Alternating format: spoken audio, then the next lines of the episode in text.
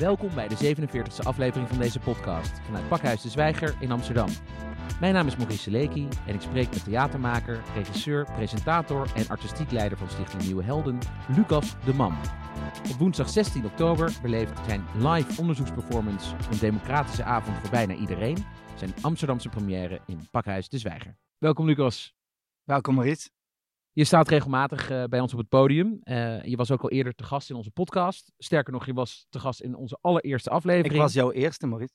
Uh, het was een soort van podcast ontmaagding door Absoluut. jou. september 2018. We kunnen het ons nog goed herinneren. onze luisteraars hopelijk ook. je sprak toen over je voorstelling De Man in Azië. Over de millennial generatie in Azië. Waar gaat je nieuwe onderzoeksperformance Een Democratische Avond voor bijna iedereen over? Over de toekomst van de democratie. Wij noemen het de democratie 3.0. Dus als je eventjes heel grof gaat, is de democratie 1.0 wanneer het uitgevonden werd. En dat is wat wij geleerd hebben, uh, Griekenland, Athene, 508 voor Christus. Daar gaan we in de voorstelling wel gelijk korte metten mee maken, maar oké. Ten tweede was dan als het ware de laatste paar honderd jaar, hè, dus met oprichting van parlementen, dat is democratie 2.0. En nu is het eigenlijk, uh, of we gaan naar een 3.0, of het is een beetje klaar.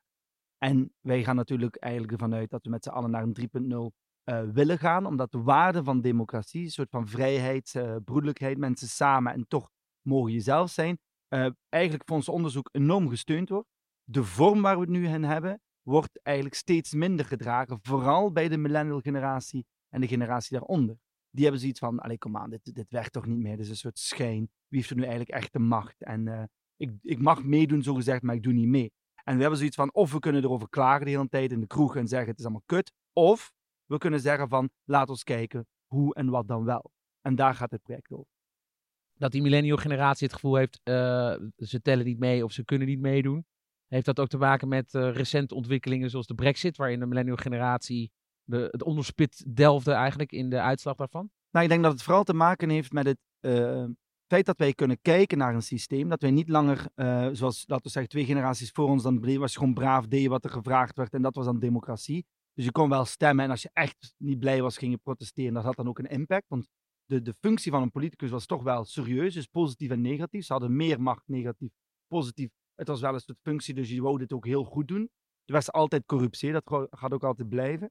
Dan denk ik dat uiteindelijk met de popularisering en een soort van de uh, democratisering van alles, uh, er ook toe geleid heeft dat uh, politicus nu eigenlijk een soort ehm, speelbal van aan de ene kant lobby is en aan de andere kant populisme is. Media die met een soort hype, wij die ontzettend emotioneel kiezen, twee weken voor de verkiezingen, kan de helft nog wisselen, is gebleken. Uh, of helemaal niet bezig zijn en gewoon maar wat doen. Dus eigenlijk de mensen die echt zich ingelezen hebben en daar heel erg mee bezig zijn, is maar een paar procent. Terwijl wij wel met z'n allen zogezegd samenleven en meedoen. In België heb je stemplicht, dus dat is net, nog net anders. Maar het gevoel van... In Nederland hebben we stemrecht. Ja, dus jullie mogen stemmen en dus veel van jullie doen dat wel, veel van jullie doen dat niet. Um, ik zeg niet dat één systeem beter is, want in beide het problemen. Maar wat wel is, is het gevoel. En democratie heeft heel veel met gevoel te maken. Gevoel van het maakt toch niet uit. Zeker op een nationaal niveau. En ik denk dat dat op termijn heel nefast wordt. En een enorme prooi is van uh, mensen die zeggen: jullie worden niet gezien, maar ik wel. Ik, ik ga een keer eigenhandig gaan oplossen wat je nu in de wereld overal ziet en ook in Nederland. En dat is natuurlijk ook bullshit. Maar als er geen duidelijk alternatief is, dan gaan mensen daar toch makkelijker naartoe. We gaan zo dadelijk uh, wat dieper in over die stand en staat van de democratie. Uh, maar nog even terug naar jouw uh, performance en naar dit project. Want het, het, de voorstelling die je bij ons komt spelen in Pakhuis de Zwijger, een democratische avond voor bijna iedereen, is een live onderzoeksperformance. Dat is ook een soort term die jij gecoind hebt, want er zijn weinig andere makers die, die dat zo brengen. Wat houdt deze vorm in? Nou, kijk, we zeggen vaak dat we een, lecture performance komen doen. Dus dat zijn de vorige dingen die ik hier gedaan heb. Dus dat is eigenlijk, ik vertel, ik neem mensen mee. Het is redelijk interactief, maar het is nog altijd, ik vertel en ik laat ze een wereld zien. Dit gaat nog een stap verder. Hier, je moet niet, maar hier kan je nog veel actiever meedoen. Dus wij delen, wij weten niet hoe het moet. Wij vragen en wij zijn op zoek. Dus we gaan drie jaar lang door Europa toeren. Op zoek naar wat vinden de mensen die wij tegenkomen. Dus we doen dit niet alleen in theaters. We doen het ook bij Pakhuis, maar ook aan de universiteit, maar ook in buurthuizen in verschillende landen in Europa. Dat is het allerleukste. En wij vragen eigenlijk aan mensen dezelfde vragen en we houden ook de resultaten bij. Dus wij kunnen ook onderling vergelijken België Nederland. Of in één stad in Noorwegen gaan we in vier verschillende buurten spelen die ruzie hebben met elkaar. En dus ook het idee van wat vind je belangrijk, welke waarden wil je houden, wat moet er veranderen, waar staan jullie voor? Dat wordt bijgehouden, ook door wetenschappers. En dat gaan we over drie jaar lang, eh, na drie jaar gaan we dat bundelen en terug uitgeven.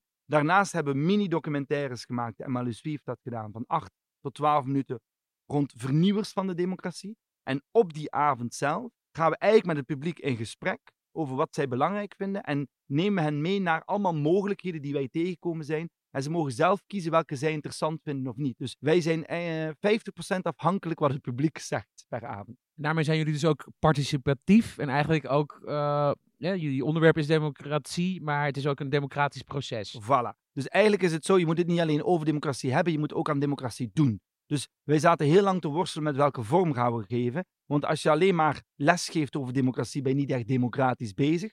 Dus hoe kun je een vorm vinden die mensen niet alleen vertelt over wat democratie is, maar hen, hen zo aan de lijve laat ondervinden dat ze er vol energie naar buiten gaan.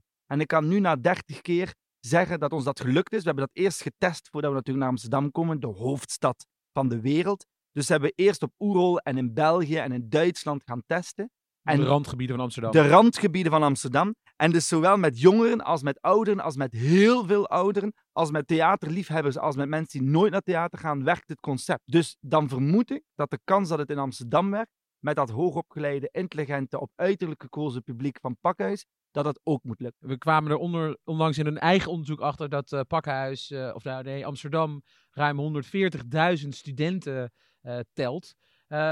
Denk je ook dat de studenten hier wat aan hebben? Absoluut. Kijk, wij, wij, wij zijn door elke universiteit in Nederland gevraagd om dit te komen doen, omdat wij hadden die mensen van Studium Generalis uitgenodigd. En die zeiden, dit moeten we gewoon doen. Want de vorm is zo openlijk dat je zelf kunt kiezen hoe je hem invult. Dus we hebben in Delft, we dachten we gaan hardcore Technische Universiteit Delft, als daar lukt, lukt het overal. En die studenten gingen gewoon super hard mee, maar mijn professoren ook. En ik denk wat veel mensen misvatting hebben, is dat wij in um, clubjes leven. Hè? Dus we denken allemaal, oh ja, wij zijn het clubje bla bla bla en wij denken allemaal zo. De bubbels. De bubbels, voilà. En dus ik geloof niet in bubbels. Ik denk het spreken over bubbels zorgt ervoor dat je de bubbel zelf monddood maakt. Hè? Want dan lijkt het of de bubbel één is.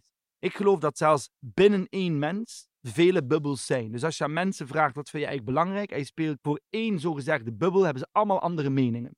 En de essentie, daar zijn wij opgekomen, de essentie van democratie is, voel je jou gezien en gehoord, ja of nee? Als jij jou niet gezien en gehoord voelt, gewoon dan, dan ga, je, ga je afdraaien van waar je mee bezig bent. Van de samenleving of van je gezin of familie of noem maar op. Er wordt heel veel oorlog gevoerd, zowel fysieke als psychische oorlog in relaties, gezinnen, landen en werelden, omdat mensen zich niet gezien en gehoord voelen. Het is niet rationeel, het is super emotioneel, het is super existentieel. Dus de doel van een goede democratie je hoeft niet allemaal evenveel macht te hebben of heel veel te leiden, want de ene is daar beter in of kan dat beter of noemen dan de ander. Maar je moet het gevoel hebben, wij mogen meedoen. En je moet genoeg het gevoel hebben, ik word gezien en gehoord als mens, of anders ga je tegenkeren. En die tegenkant is nu wat je norm ziet. We komen daar nog een keer op terug, ik herhaal het. Uh, die stand en staat van de, van de democratie. Want uh, ik wil heel even nog bij jou, uh, jouw werk als maker blijven. Ja. Want je geeft nu eigenlijk aan, ja, het is een democratisch proces voor een deel. Uh, die, die voorstellingen kunnen eigenlijk iedere keer weer een andere uitkomst krijgen. We zijn ook afhankelijk van de keuzes voor 50% van het publiek. Hoe bereid jij je daarop voor als, uh, als, als, als performer? Nou, dat is een goede vraag. Kijk, eigenlijk is het zoals jazz. De structuren liggen Improvisatie. vast. Absoluut, de structuren liggen vast. Dus als je het heel veel doet na een tijd, weet je natuurlijk ook wel ongeveer wat er komt. Uh, ook al zijn we af en toe nog een keer serieus verrast. Maar het leukste van deze voorstelling, daarom dat we het op Oerl moesten hem 18 keer doen op 10 dagen tijd. Dus dat is gewoon rock en roll dan is het feit dat je dus eigenlijk gewoon, je weet jouw structuur en voor de rest weet je het niet. En omdat die structuur supergoed in elkaar zit, we hebben dat wel, kan ik je zoiets over vertellen, echt met, met coaches gedaan, die structuur, weten we dat het goed komt. Alleen of het extreem heftig wordt, of extreem intens wordt, of heel leuk, of lief, of grappig of zo, dat hangt van het publiek en de omstandigheden af. Dus het blijft voor ons boeiend, want we gaan hem straks over de 100, misschien zelfs 200 keer doen.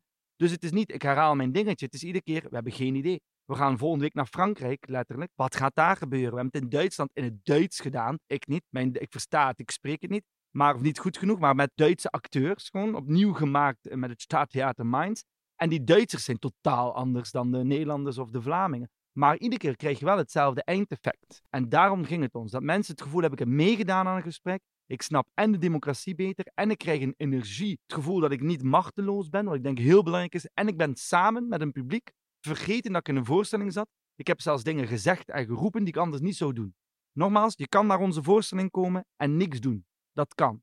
Maar weet wel dat als je niks doet en gewoon kijkt, je ook beseft tijdens onze voorstelling dat dat een keuze is. Dus je bent niet beter of minder dan iemand die staat te roepen.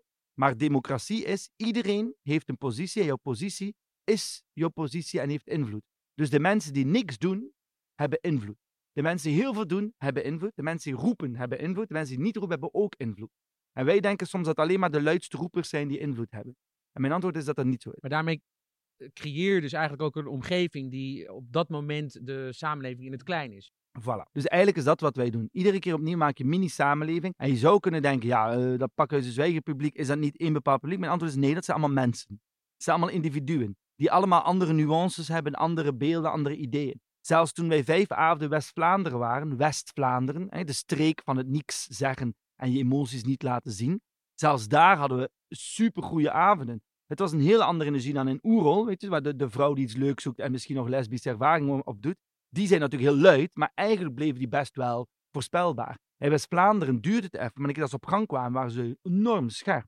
Dus je, je, je krijgt plotseling, je haalt iets boven, maar niet privé, maar wel iets heel persoonlijks boven over deze maatschappij. En dan laat je aan hen zien, democratie is niet gelijk aan de politiek. Democratie wil zeggen dat wij als samenleving proberen vormen te vinden om elkaar te kunnen zien en met elkaar te kunnen communiceren. Dus wij verdelen macht op die manier dat we allemaal het gevoel hebben, ik mag meedoen. Dat is democratie. Dus dat is nooit af.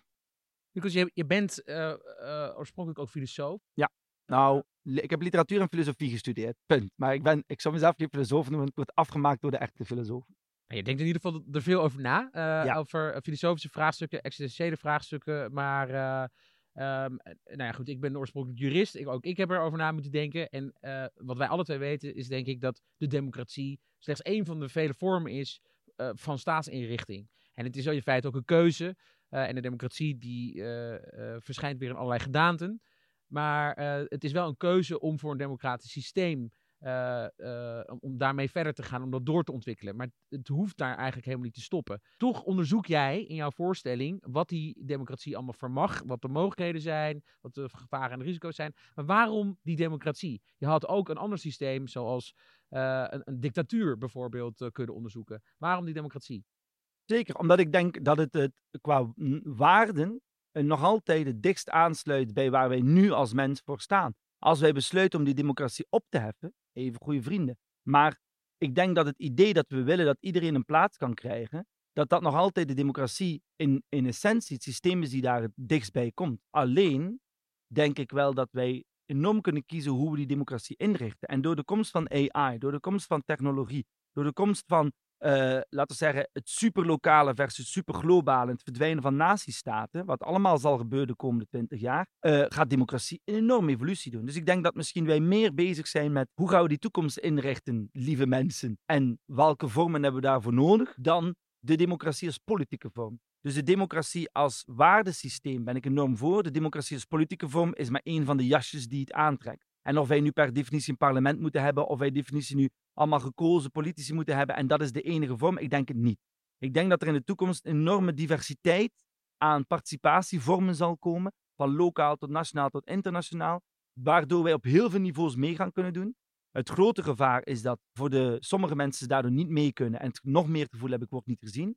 Maar als we het goed doen, kunnen zij zich lokaal enorm manifesteren. En zij die globaal kunnen denken, kunnen dat dan ook. Dus ik denk, one size fits all is voorbij. Als je goed gaat kijken naar verdeling, verschillende mensen hebben verschillende mogelijkheden om op verschillende manieren mee te doen. Ga je veel meer mensen meekrijgen dan één jas waar iedereen in kan. Want die moet dan zo groot zijn dat geen jas meer is. Je ziet ook dat, uh, dat, dat steden een belangrijke rol daarin spelen als uh, bestuurslaag, maar ook als, als, als contextuele omgeving, ook voor participatie in Amsterdam, de stad waar, uh, nou ja, waar deze voorstelling straks gebracht gaat worden, uh, is er ook een wethouder, Rutger Groot-Wassink, die veel bezig is met uh, het thema democratisering en participatie. Burgers moeten meedoen, co-creatie.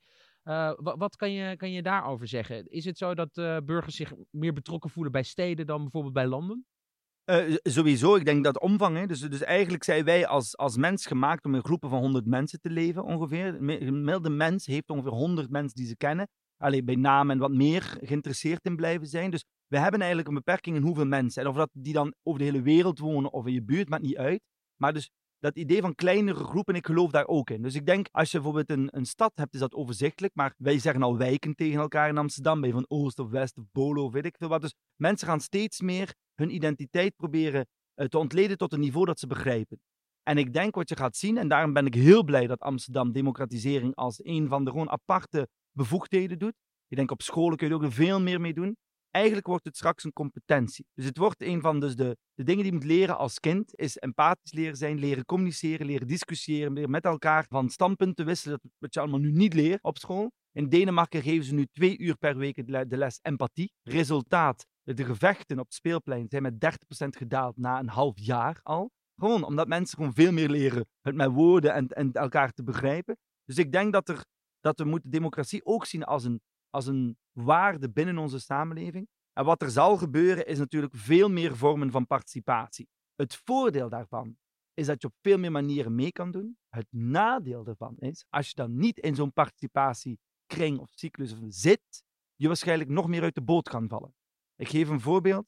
Er zijn nu wijken in Amsterdam of buurten, soms zeven straten, die zichzelf in burgergemeenschappen hebben georganiseerd, daar zitten dan vaak een aantal juristen in, coöperatieven of noem maar op. Er zitten een paar juristen in, zitten een paar dit in. En die, die weten zo goed het systeem dat ze nog net niet eigenlijk hun buurt regeren. Hè? Dus zij bepalen wie daar mag komen, of daar geluidsoverlast of niet, verzorging. Fantastisch, want heel die buurt leeft op en heeft het gevoel, wow, wij hebben macht. Ik heb dit overigens eens een keer op de pont gehoord van een stratege van de gemeente, zal geen naam noemen. Die hadden hier inderdaad ook onderzoek naar gedaan dat inderdaad die elites, die, die, die, die, die dus olifantenpaadjes kennen, die de taal spreken, dat die dus eigenlijk de, de regie hebben in zo'n zo'n buurt en die systemen kunnen gebruiken helemaal. en naar hun hand kunnen zetten. Nou, en er zijn vooral, kijk, vooral buurten bijvoorbeeld die nog niet helemaal ontwikkeld waren of die, die vervallen, meer vervallen waren, nu opgekocht worden door die juppen en middenstand en zo, die, die runnen gewoon een buurt. Dus die weten exact waar moet ik zijn, welk amendement moet ik indienen, welk bezwaarschrift enzovoort. Uh, dat, men noemt dat ook de terroriseringsgroep. Dus daar zit een, een gevaar aan. Maar stel nu dat, ze, dat de goede groep is. Ze maken het groener, ze zorgen voor thuiszorg, dus dat er veel meer verzorging is. Voor een onthaalsysteem onderling, al die dingen. Eigen energieleverancier, alles. En dan woon jij een straat ernaast. Dan krijg je, de gemeente gaat niet zeggen, oh, dat zorgen wij dan wel voor. De gemeente denkt, daar regelen ze het wel. En dus dat is letterlijk gebeurd in Zuid, Amsterdam-Zuid, dat er dus een systeem was door allemaal mensen rond uh, uh, thuisopvang. Dus eigenlijk dus, uh, verpleegsters aan huizen, noem maar op. Supergoed. En dan interviewden ze van AT5 een mevrouw die daar dus drie straten verder van woonde. En die zei, wij zien ze niet meer. De, de thuisopvang. Het is zelfs moeilijker dan ervoor, omdat het hier allemaal al geregeld is. En dat is een heel klein voorbeeldje met een straat of een buurt. Maar trek dat eens naar een groter idee. Dus het mooie is, er gaat veel meer burgerparticipatie komen en aparte netwerkjes en systemen om mee te doen. Maar we moeten zorgen dat iedereen daar toegang tot heeft en geholpen wordt om dat te doen. Of degenen die uit de boot vallen, zullen nog veel meer uit de boot vallen. En daarom denk ik dat het heel goed is om in democratisering te investeren. Onze voorstelling, wat wij doen met ons project, is eigenlijk mensen laten nadenken wat er allemaal kan. Want echt super hoog opgeleide mensen en die hebben geen idee wat er allemaal kan. Omdat wij sowieso niet meer weten wat er allemaal kan, want het is te veel. Dus wij geven letterlijk ook. We zeggen in de voorstelling op een gegeven moment, een postmoderne voorstelling zou nu stoppen. Want die heeft u verwacht en die zou naar huis sturen en zeggen: zoek het zelf maar uit. Wij zijn een metamoderne voorstelling, dus we gaan u nu twaalf opties geven waar u zich bij zou kunnen aansluiten. En optie 13 is: ik wil niks. Weet je? Handelingsperspectief. Handelingsperspectief. Het idee van er kan. En dat is niet de waarheid, want die is kapot en daar geloof ik ook wel dat die kapot is. Maar het idee van: dit zijn allemaal opties. Nou, Zelfs uh, politici zoals Linan Ploemen, die kwam kijken en die zei, wauw, ik wist de helft hier niet van. Nou, dat, dan vind ik dat een compliment voor onze researchers en voor ons, die daar toch een anderhalf jaar mee bezig zijn geweest en gaan zoeken zijn, wat kan er overal, om mensen te inspireren. Dus als je bij ons komt, word je niet alleen, uh, je, je, leert niet alleen iets over democratie en je ervaart het, maar je krijgt ook letterlijk inspiratie over wat er allemaal de komende jaren kan gaan gebeuren. Er is een leeftijdsgenoot van ons die een partij heeft opgericht die ook democratie in zijn naam heeft. En uh, die voor een deel van het programma uh, inzet op uh, meer zeggenschap van de burgers in de samenleving. Forum voor Democratie. Ehm, dat is een van de partijen die daarmee bezig is. Ook D66 is destijds opgezet om eh, meer zeggenschap aan die burger te geven en die democratie ook te vernieuwen Mhm. in Nederland. Eh, hoe kijk je tegen die ontwikkeling aan, die politieke partijen? Zijn zij stappen verder aan het komen en heeft de burger daar ook echt wat aan? Dat laatste weet ik niet. Dat is aan de burger om dat te bepalen. Ik, ik, ik mag hier niet stemmen, dus ik ben buitenlander in dit land. Ehm, ik denk dat dit allemaal via een partijsysteem ideologie nog gaat. Ik vraag me af of partijen in de toekomst wel zo eh, eh, houdbaar blijven. Dat vraag ik mij af. Dus dit soort Waarom initiatieven... twijfel je eraan? Nou, gewoon omdat je ziet dat ze steeds minder eh, overeen kunnen komen. Doe, kijk, het idee je stemt op een partij, is het, kijk, eigenlijk officieel heeft een partij geen macht.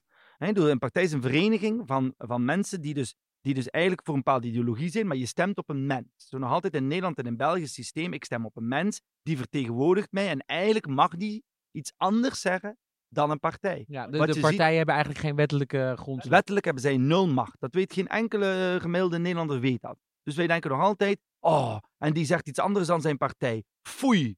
Maar eigenlijk, eh, die partij heeft helemaal niks op te leggen aan zijn leden. Daarom kunnen dus Kamerleden eh, ook in een Kamer blijven als ze uit de partij worden gezet. Ja, en ik vind dat meer dan terecht. Kijk, en, en die part particratie, die druk van die partij, wat in België nog groter is. Zo van, je moet in onze lijn lopen of je bent een slecht iemand. Je kan uit de partij gezet door al die dingen. Dat is natuurlijk idioot. Hè? Dus dat heeft niks met democratie te maken. Dat heeft eigenlijk met autocratie te maken. Wij bepalen, als jij niet meedoet, bij loser moet je weg. Dus hoe kun je aan mensen het hebben over democratie als wat je zelf doet als vertegenwoordiger ondemocratisch per definitie is. Dus daar zit iets totaal fout. Plus, je krijgt honderdduizend partijen straks. Hè? Dus wat mensen zeggen, dan moeten we weer naar minder partijen. Maar dan krijg je weer een ondemocratisch idee dat je partij gaat afzitten schaffen en dat je er een paar de macht geeft. Dus dat, dan zit je gewoon in een fucked-up situatie. Sorry voor het woord situatie. Maar wat je wel kan doen, denk ik, is juist wat je gaat zien, is dat dus steeds minder de partijen beslissen, maar bijvoorbeeld themastemmen gaat komen of programma's stemmen. Dus dat eh, politici samen programma's voorstellen. En als wij samenwerken, doen we dit programma. Maar als wij samenwerken, dit. Als wij samen dit. En het publiek zegt van, oké, programma 1 en 4 krijgt de meeste stemmen. En daartussen zal het aan gaan. Het wordt programma 1, maar dan een lichte aangepaste versie. Go. Dat zie je nu in heel veel gemeenten in eh, Nederland. Dus er hadden 100 partijen en het coalitievorming ging niet. Dus wat doen die partijen? Op voorhand eigenlijk al een regeringsakkoord sluiten. Vijf akkoorden aan het publiek leggen. En de bevolking komt kiezen welk akkoord willen ze. En dat is natuurlijk een heel andere manier. Want dan kun je zeggen, dit is programma. Je mag ons, je mag ons eh, afrekenen of we ons programma hebben kunnen doen. En dan interesseert mij niet voor welke kleur je bent. Of je in een uil gelooft of in een beer gelooft. Als je maar je programma eh, nadoet. En niet, ik wil niet op mensen stemmen die vervolgens dan erna gaan samenzitten. Dan een programma doen. En met wetsvoorstellen komen waar niemand op zit te wachten. Niemand heeft voor gestemd Niemand heeft mandaat gegeven. mandaat gegeven en dan gaan ze toch eh, dingen. Nou, Nederland heeft natuurlijk de meest gênante eh, eh, geschiedenis daarin gehad onlangs. Met die effectenbelasting, wat is daar? Dividendbelasting. Dus dat is een, een gênant iets. Dat is een ondemocratische wet die ze er vlug, vlug door proberen. En het feit dat de publieke opinie zo negatief was, waardoor ze het eigenlijk niet hebben kunnen doen. Want officieel heeft, hè, hebben de bedrijven dingen hier niet naartoe gekomen. Het was gewoon omdat ze niet meer wouden, want ze wouden niet die slechte naam hebben. Dus Mark Rutte werd in zijn broek gezet en in zijn hemd. Maar het mooie is dat dus, dat dus wij als volk nog steeds macht hebben. Dus het feit dat we altijd maar partijtjes blijven oprichten, eigenlijk kunnen wij, zoals een DOS-aanval, kunnen wij eigenlijk het systeem zo onderuit halen door ontzettend veel partijen met z'n allen te beginnen oprichten en te zorgen dat we allemaal een goed campagne voeren en dan is het systeem kapot. Dus wat ik denk, is dat het systeem vanzelf zich zal vernieuwen doordat de mensen andere, andere dingen belangrijk vinden. En technologie gaat enorm helpen natuurlijk. Technologie gaan we zo nog op in. Eh, maar nog even een wat persoonlijkere vraag. Jij bent eh, in jouw werk als maker altijd heel erg maatschappelijk betrokken geweest. Eh, die samenleving is altijd aanwezig. Je bent ook hier weer eh, bijzonder maatschappelijk eh, geëngageerd als het gaat om die democratisering. Maar als je naar jouw persoonlijkheid kijkt, dan zie je dus ook iemand die eh, in staat is om mensen te mobiliseren. Die een bepaalde, bepaald charisma heeft, waarmee je eh, mensen in beweging kan zetten. Heb je zelf ooit overwogen om de politiek in te gaan? Nee, heel nooit. Ik ben tien keer gevraagd of zo op een gegeven moment door lokale partijen in, eh, in België. En ik heb altijd gezegd nee, want ik wil iets kunnen veranderen. Je gelooft niet dat de politiek dat kan. Ik denk op lokaal niveau wel, maar dan, maar dan heel erg met lokale dingetjes. Ik denk op nationaal niveau bijna niet meer. Omdat de, de, de, de, beslissingen worden niet genomen door die paar politici, of heel weinig nog.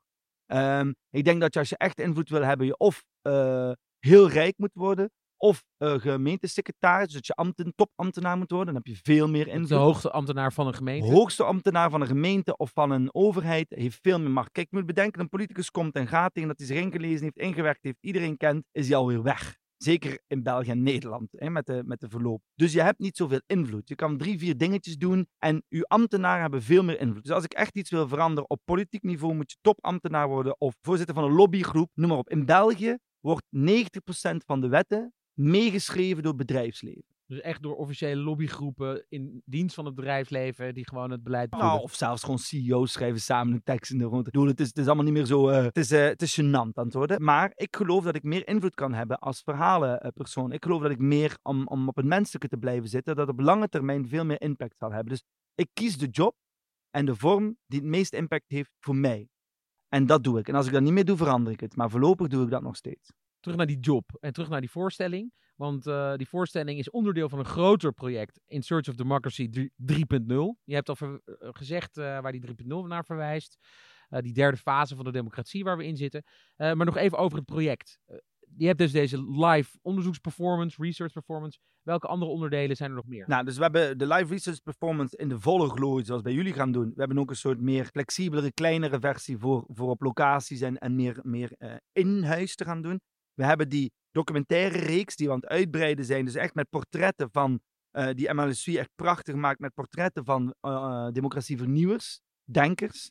Um, en we hebben dus ons onderzoek. Dus we werken met researchers, we interviewen mensen, we verzamelen research. En het idee is eigenlijk dat we bijhouden wat zien we in verschillende werelden. Alleen wat er dus nu bij komt vanzelf, is dat bijvoorbeeld zo'n stad Mos in Noorwegen vraagt, we bestaan zoveel jaar, democratie Noorwegen is hier begonnen, kunnen jullie naar die verschillende wijken gaan? Kun je die voorstelling spelen en dan in een soort lezing op het stadhuis teruggeven wat je gezien hebt? Tuurlijk zeggen we ja. En een artikel maken over democratie in Mos. Dus je krijgt eigenlijk de combinatie van filmmakers, researchers en performers. Is voor veel mensen een interessante manier om die storytelling, verdieping te gaan doen. Een soort real-life onderzoek of meer performance of meer debat. Maar we worden ook gevraagd door de gemeente Amsterdam. Kun je eventjes een ochtend samen met al onze communicatiemensen rond democratie mee helpen organiseren. Want wij zoeken eigenlijk mensen die dat goed kunnen. Dus, dus de, al die nevendingen zeggen we ook ja, want dan heb je veel meer impact. Als ik alle communicatiemensen van Amsterdam mag opleiden in democratie, heb ik meer impact dan als ik een van een politicus ben die binnenkomt die zegt we gaan het allemaal anders doen. En die zeggen allemaal van ja, je bent de zoveelste. Dus ik geloof dat we op termijn meer impact hebben. Het feit dat dit een Europees project is, vind ik super tof. Dus dat wij echt naar verschillende landen kunnen gaan. En dat we daardoor uh, eigenlijk nieuwe soort vormen aan hun kunnen laten zien en, en energie terugkrijgen. Dat veel acteurs het kunnen. Dus het is niet alleen ik samen met mijn team. Het is, we hebben nu een Duits team, komt een Frans team, komt een Engels team. Dus eigenlijk verschillende mensen doen de voorstelling. Dus het wordt niet een ego-document, maar eigenlijk van een team. Dus ik hoop dat dit drie jaar mag blijven doorgaan en dat we op het eind van die drie jaar weer nieuwe inzichten hebben die we kunnen doordelen. En het belangrijkste natuurlijk, geef de mensen de energie en de ervaring dat het kan. Dat je wel degelijk kan gezien en gehoord worden op één avond bijvoorbeeld. En daarom hebben wij die structuur van de Deep Democracy toegepast. En Deep Democracy is een Zuid-Afrika, toch? Ja, daar komt het oorspronkelijk uh, vandaan. Te. En voilà. minderheden een stem te geven. Vallen. Dus het idee is dat minderheden ook een stem krijgen. Dus dat eigenlijk is het nu de, de luidste wind. De meerderheid beslist en de rest is de loser en die moet maar gewoon uh, op zijn kin kloppen, zeggen wij dan. En eigenlijk is dat raar. Want je kan zeggen van oké, wij hebben nu de meerderheid, dus wij mogen eigenlijk, wij zijn aan zet om een wet te maken of een idee te doen. Jullie hadden een heel ander argument. Wij gaan kijken als jullie argument ook een plek kan krijgen in onze stroom. Dus het is niet omdat je links gaat dat rechts geen plek kan hebben. Het is omdat je rechts gaat dat links geen plek kan hebben. In Nederland zouden ze dat polderen noemen. En polderen werkt wel als je ervan uitgaat dat je er samen echt wil uitkomen. Polder werkt niet als je in principe toch geregeerd wordt door externe lobby, waardoor je eigenlijk gewoon een beetje bij elkaar zit voor de show. Weet je? Wat nu niet 100% is, maar toch iets te vaak. Zeker op nationaal niveau. En ik denk dat wat wij in die avond laten zien is, wij mensen, hè, dus, politiek is niet een soort abstract, wij zijn gewoon allemaal een hoop mensen die samen constant proberen eruit te komen. En dat kan wel. Dat deden ze in de, in de, bij de Aboriginals, deden ze dat al met duizenden mensen tegelijk. Dus ze kwamen er ook uit. Dus het zit in de mens om er samen uit proberen te komen. En het zit er ook in om dat dan aan tijd niet meer te zien en dan een sterke leider te willen. En dan achteraf spijt hebben dat we een sterke leider wouden. En dan toch weer er samen uit proberen te komen. Het is net zoals relaties. Soms heb je een relatie en dan ga je toch scheiden. Achteraf dacht je, was dat nu zo slim? Bij de volgende ga ik die fout niet meer maken. maak je weer. En op een gegeven moment ben je rustig of misschien te oud. En dan blijf je maar wat uh, fijn. En als je het 60 bent, her, ontdek je jezelf en dan scheid je weer. Weet je, soort van, er is een soort constante flow, maar de essentie van de mens is te willen samenwerken omdat we het zelf niet weten. Dus dat constante zoeken. En wat zo mooi is aan de democratie, is dat er eigenlijk officieel geen macht is.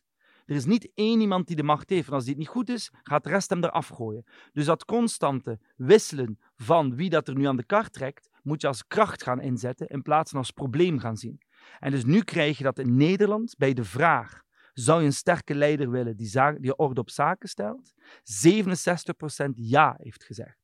En dat is enorm veel. Dat is dus niet alleen maar ergens stokjes, weet ik veel waar. Dat is dus allemaal mensen door elkaar. 70% zegt: geef ons alsjeblieft een sterke leider. En als dat een verlichte, fantastische man of vrouw is, wil ik die ook.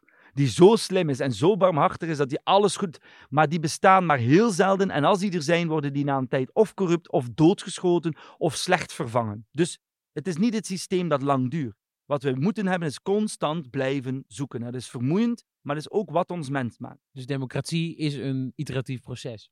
Democratie is gedoe, maar we kunnen het gedoe ook veel menselijker maken dan we nu doen. Als je hebt aangegeven dat het een Europees project is. Je bent dus ook in andere landen geweest. Je noemde al een paar voorbeelden, Noorwegen bijvoorbeeld. Zijn er opmerkelijke uitkomsten geweest waarvan je denkt, nou, daar kunnen Nederland en België eigenlijk nu wat van leren? Nou, er zijn, kijk, we hebben twee dingen daar. We zijn natuurlijk overal in de wereld vanuit onze computer en met experts te praten gaan kijken wat, wat speelt er allemaal. Er zijn ook gelukkig een aantal grote researchprojecten die dat ook al voor ons aan het doen zijn. Dus niet voor ons, maar hoe die dan doen zijn waar je kunt uitputten. Dus dat is echt over de hele wereld. Wij zijn nu begonnen, eigenlijk nog maar sinds juni, aan onze tocht door Europa. Dus wat we tot nu toe België, Nederland, Duitsland hebben gedaan. Ehm, eh, in de wereld zijn ontzettend veel inspirerende voorbeelden. Kijk, zo, we kan er gewoon een paar letterlijk noemen. Bijvoorbeeld in Zweden heb je de, voorbeeld. Ja, in Zweden heb je de dialoogcirkels. En wat ik daar interessant aan vind, dialoogcirkels gaat als volgt. Er is een probleem in een wijk of in een stad, waar gewoon uh, bewoners aan meedoen. Bijvoorbeeld kinderopvang is kut geregeld vanuit de overheid. Dat is echt een heel concreet voorbeeld. Wat kan de overheid doen? Allemaal experts laten inhuren en die dan heel duur betaald weer een systeem bedenken en mensen zijn weer boos en zo bezig zijn. Dus wat doet die overheid dan van, van die stad? Zoek het zelf uit, kom met een voorstel. Dan huren ze een mediator in. Gewoon iemand die daarop getraind is om gewoon mediator. Die mediator nodig uit alle verschillende culturen, achtergronden en uh, uh, sociale statussen, zeg maar, ouders uit. Ouders die met kinderopvang te maken hebben. En kinderopvangmensen. en men zet die samen. Alleen de eerste drie sessies leert men elkaar kennen. Gewoon, wat voor cultuur heb jij? Hoe kijken jullie naar kinderen? Wie, wie ben je eigenlijk? Dus nog niet op een plan. En dan komen de drie sessies om tot een plan te komen. En dat doe je met een groep of 30 of 50 vertegenwoordigers. Het mooie is dat die plannen, als die dan naar de politiek gaan, moeten die eigenlijk aangenomen worden door bijvoorbeeld de stadspolitiek. Zo werkt men trouwens ook in Madrid en in Barcelona. Werkt fantastisch. Waarom? Omdat je eerst elkaar leert kennen, snapt waar men eigenlijk mee bezig is. En die oplossingen worden nooit eenduidig. Die oplossingen worden altijd gelaagd. Oké, dan doen we zo'n soort regels en zo'n soort regels. En voor de mensen die zo werken en die soort geloven krijgen ik zo'n oplossingen. En eigenlijk lijkt dat dan een warre boel, maar niet waar. Je hebt gewoon heel erg rekening gehouden met alle variabelen de belangen. En dan bedenk je de kern is goede kinderopvang, want dat wil iedereen. En iedereen wil ook een goede samenleving. Zelfs de meest extreme partijen willen een goede samenleving. Maar doordat je naar elkaar geluisterd hebt, elkaar kent, ga je rapper systeem niet met duizenden mensen tegelijk. Maar bijvoorbeeld, in, Madrid doet men dat dan in wijk per wijk per wijk per wijk. En dan daar worden weer uh, ideeën en die komen weer samen in een congres. Dus in plaats van volksvertegenwoordigers heb je heel erg specifiek op een thema mensen die ermee te maken hebben, die mogen een plan maken. In Zweden is één op de twee Zweed lid van een dialoogcirkel. Dus de helft van de bevolking doet mee aan een cirkel waarin ze mogen mee een plan bedenken. Nou, dan is het dan niet meer eventjes in een wijkje kleinschalig. Dan spreek je over dus de helft van je bevolking doet, en dan moet je al kinderen uitsluiten, hè, doet actief mee aan een plan maken waar zij of hij mee betrokken is. Maar hoe hebben ze die mensen zover gekregen om daar mee te werken dan?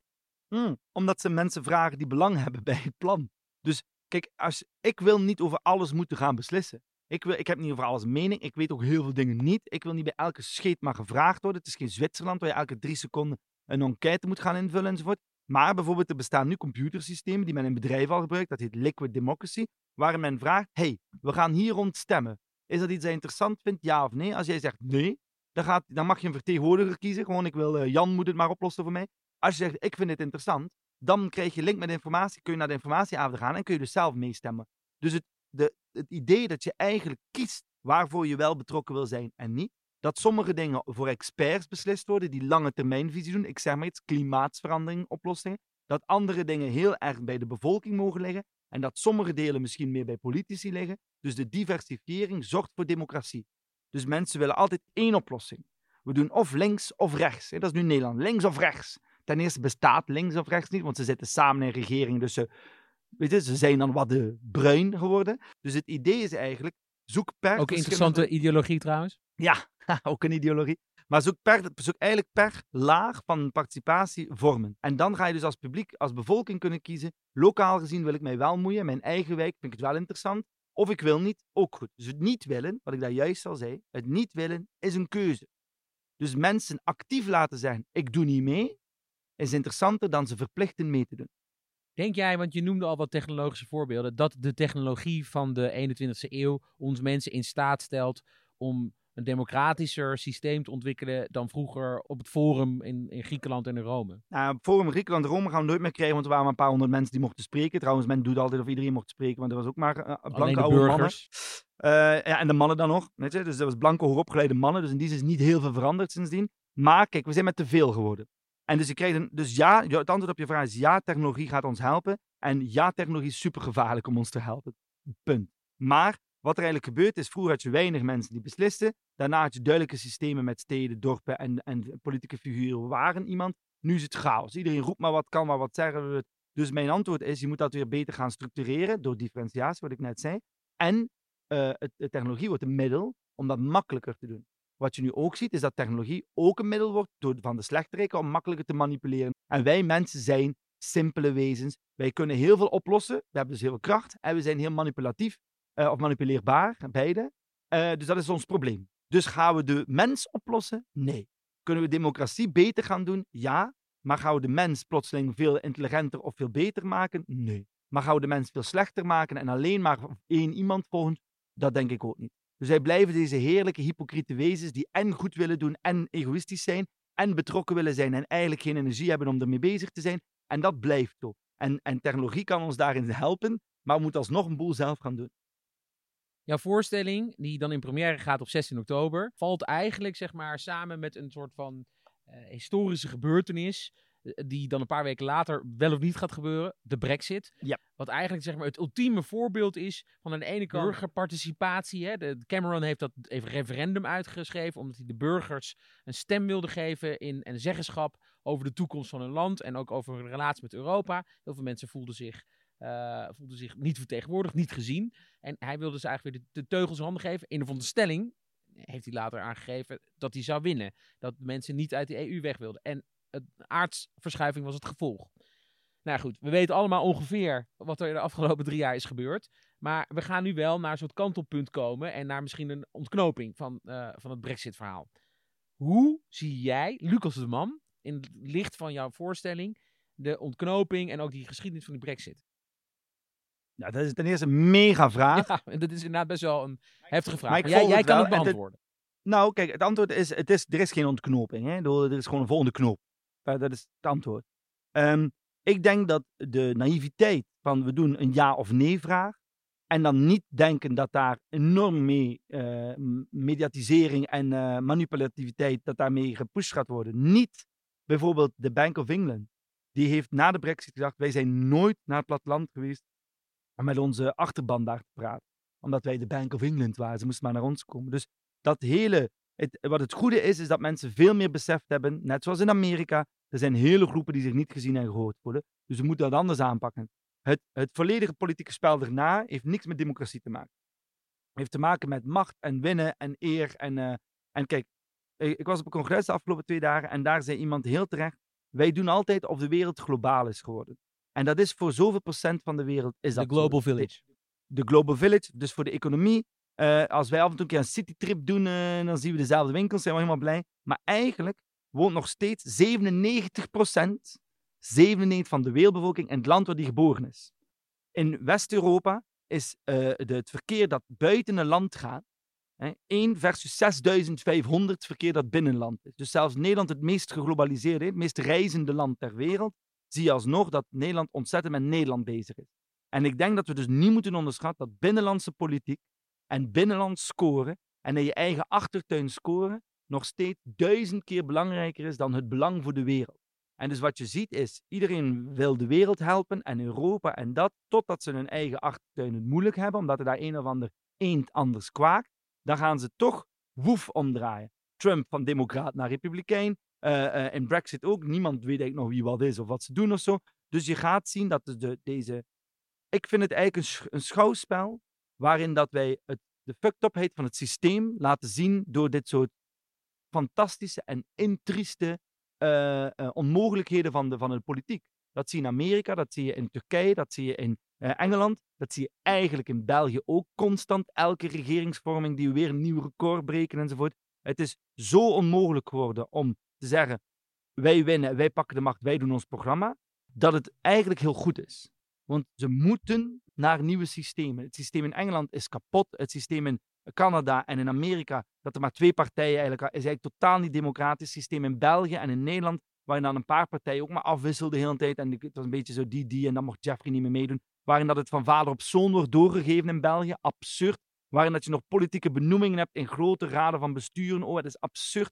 Dus het systeem is verouderd en kan alleen maar echt vernieuwd worden door grote crisissen. Dus in België dat één op de drie stemt op een extreemrechtse partij, is een teken, je systeem is kapot. En ik denk dat dat nodig is om echt de vernieuwing toe te staan. En de grootste extra hulp die er komt, is de economische crisis die uh, aan het gebeuren is en volgend jaar echt doorbreekt. Die gaat nog meer die kanteling doen. Nu staan ons om te zorgen dat die crisis uh, uitmondt in positieve energie. Want het kan ook uitmonden in negatieve energie. Dat ze eraan komt, is sowieso. Dus daarom toer ik rond met een project over wat is de toekomst? Laat ons praten, laat ons nadenken, laat ons doen, laat ons ervaren, laat ons mogelijkheden al opsommen, want er wordt ontzettend veel goede dingen ook gedaan. En, en energie geven, letterlijk, één op één energie geven. Want op social media ga je het niet halen. Dat is alleen maar uh, fear and flight, zeg maar. En, de, en de politici halen het ook niet meer, want zij zijn eigenlijk is hun beroep opgebrand. Het is, kijk maar, alle jonge mensen die de politiek gaan, dat zijn of super naïeve mensen, of eigenlijk mensen die, de, die er soort net buiten vallen, die dan de politiek maar opraadt. De echte vernieuwers zitten volgens mij in hele andere sectoren. Wel interessant wat je zegt, want op dit moment wordt in de Tweede Kamer in Nederland in ieder geval, zijn een aantal van de, de grote leiders, in ieder geval uh, voor het beeld, allemaal mensen uit de millennial generatie. Thierry Baudet, Jesse Klaver, uh, Marijnissen, uh, Dijkhoff is eigenlijk een vintage millennial. nou, ze zijn allemaal net geen millennial, hè? Nou, dus wel... als je een millennial zeg maar vanaf 1980 tot 2000, hè, volgens de sociologische Wikipedia-definitie. We hebben hier intern vaak discussies over. Ja, is, Baudet, is Baudet onder de 40 nog? Ja, Baudet is uh, eh, 36. Wauw, hij ziet er echt ouder uit. Uit 1983 is ja. ja. Nou, dat zegt ook wel. Maar um, nee, ja, dat, zeker de oudere millennial generatie. Ik zeg het u, dus zij, eh, wat zij allemaal doen is, uh, is proberen kapot te schoppen. Hè? Baudet probeert kapot te schoppen. En de Jesse Klaver probeert te vernieuwen op een andere manier. Dus zo'n, ik denk dat zij alleen, dat zijn de brave jongens van de klas. Dus ik denk, dat klinkt nu raar wat ik zeg, maar de echte vernieuwers zijn dat niet. De echte vernieuwers zitten, zitten op een heel ander niveau. Dus ik denk, ik, ben, ik vind het fantastisch dat zo'n Baudet, Jesse Klaver enzovoort allemaal op hun manier dat proberen te doen. Eigenlijk heeft Baudet het populisme heruitgevonden en gezegd tegen het Wilders, jij, doet, jij bent een oldschool populist, ik ben de nieuwe. En Jesse Klaver zegt dan tegen een uh, Pechtold van, jij bent de oude en ik ben de nieuwe. Dus eigenlijk is dat wissel van de wacht. En je ziet dat ze dan meer met social media en met, ze doen alle trucs wel. En de vlogjes en de, weet, maar eigenlijk denk ik dat fundamenteler een groter probleem zit. Waardoor zowel Jesse Klaver als uh, Baudet enzovoort uh, het ook niet gaan halen. En, of niet zonder, zonder de vernieuwing die eraan komt die gaan ze ook nodig hebben. En dat is die technologie en dat is dus eigenlijk die, die, die, die meetrekken van, van die generatie. Alleen, ze gaan dat waarschijnlijk gaan gebruiken. Dus er, gaan, er gaat een nieuw soort politicus ontstaan, in de positieve vorm, in die veel samen met zijn team, veel meer met publiek, oké, dit doe op die manier, dit doe op die manier, kop, kop, hier zo. En een negatieve manier, die gewoon manipuleert en, be, en uh, via social media en via technologie kun je makkelijk manipuleren. Kijk maar naar de verkiezingen in Amerika, worden een soort van gewonnen door door manipulatie. En de volgende zullen exact weer gewonnen worden door manipulatie. Aan beide kanten, hè? Tot slot, Lucas, want wij kunnen dit gesprek uh, nog urenlang voortzetten. Uh, ik zie al uit naar een nieuwe voorstelling van jou volgend jaar, uh, waar we dan ook weer een podcast over kunnen maken. Yes! Maar voor nu, 16 en 18 oktober, ja. waarom moeten, dit is de laatste boodschap, slotboodschap van Lucas de Man naar de luisteraar toe, waarom moeten ze absoluut komen naar Pakhuizen Zwijgen om een democratische avond voor bijna iedereen mee te maken? lieve luisteraar, als je er nog bent. Ik zou het fantastisch vinden als je langskomt, omdat je eigenlijk en eindelijk snapt wat democratie in hemelsnaam is. Wij jou al je angst die je erover hebt kunnen wegnemen, omdat het niet gaat over het ingewikkelde systeem met politici, maar het gaat over de mens. Wij niet alleen maar eh, het probleem aankaarten, maar wij ook oplossingen en ideeën en mogelijkheid geven zonder te zeggen wat er moet. Dus je krijgt een open avond en je leert een boel andere uh, verdomd knappe mensen kennen terwijl je doet. Dus zij die nog single zijn, de kans dat je de liefde van je leven ontmoet tijdens onze voorstelling is niet heel. Maar bestaat wel degelijk, 0,7 zoveel procent. Dus dat is al een reden om te komen. Voor alle andere mensen, het is een hele fijne avond uit, waarin je samen met ons uh, energie krijgt om daarna weer verder te gaan. En volgens mij is dat veel meer waard dan het kaartje dat het nu kost. Dankjewel, Lucas de Man. Heel veel succes. Yo.